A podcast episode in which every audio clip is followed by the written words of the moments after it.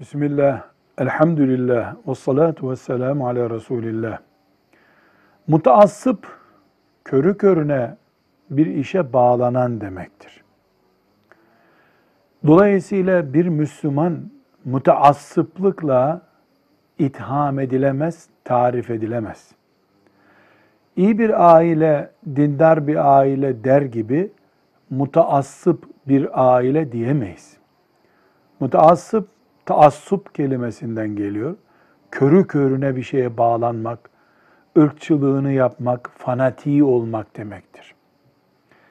Bizim dinimiz, İslamiyetimiz körü körüne aslını vesairesini bilmeden bağlandığımız bir bağ değildir.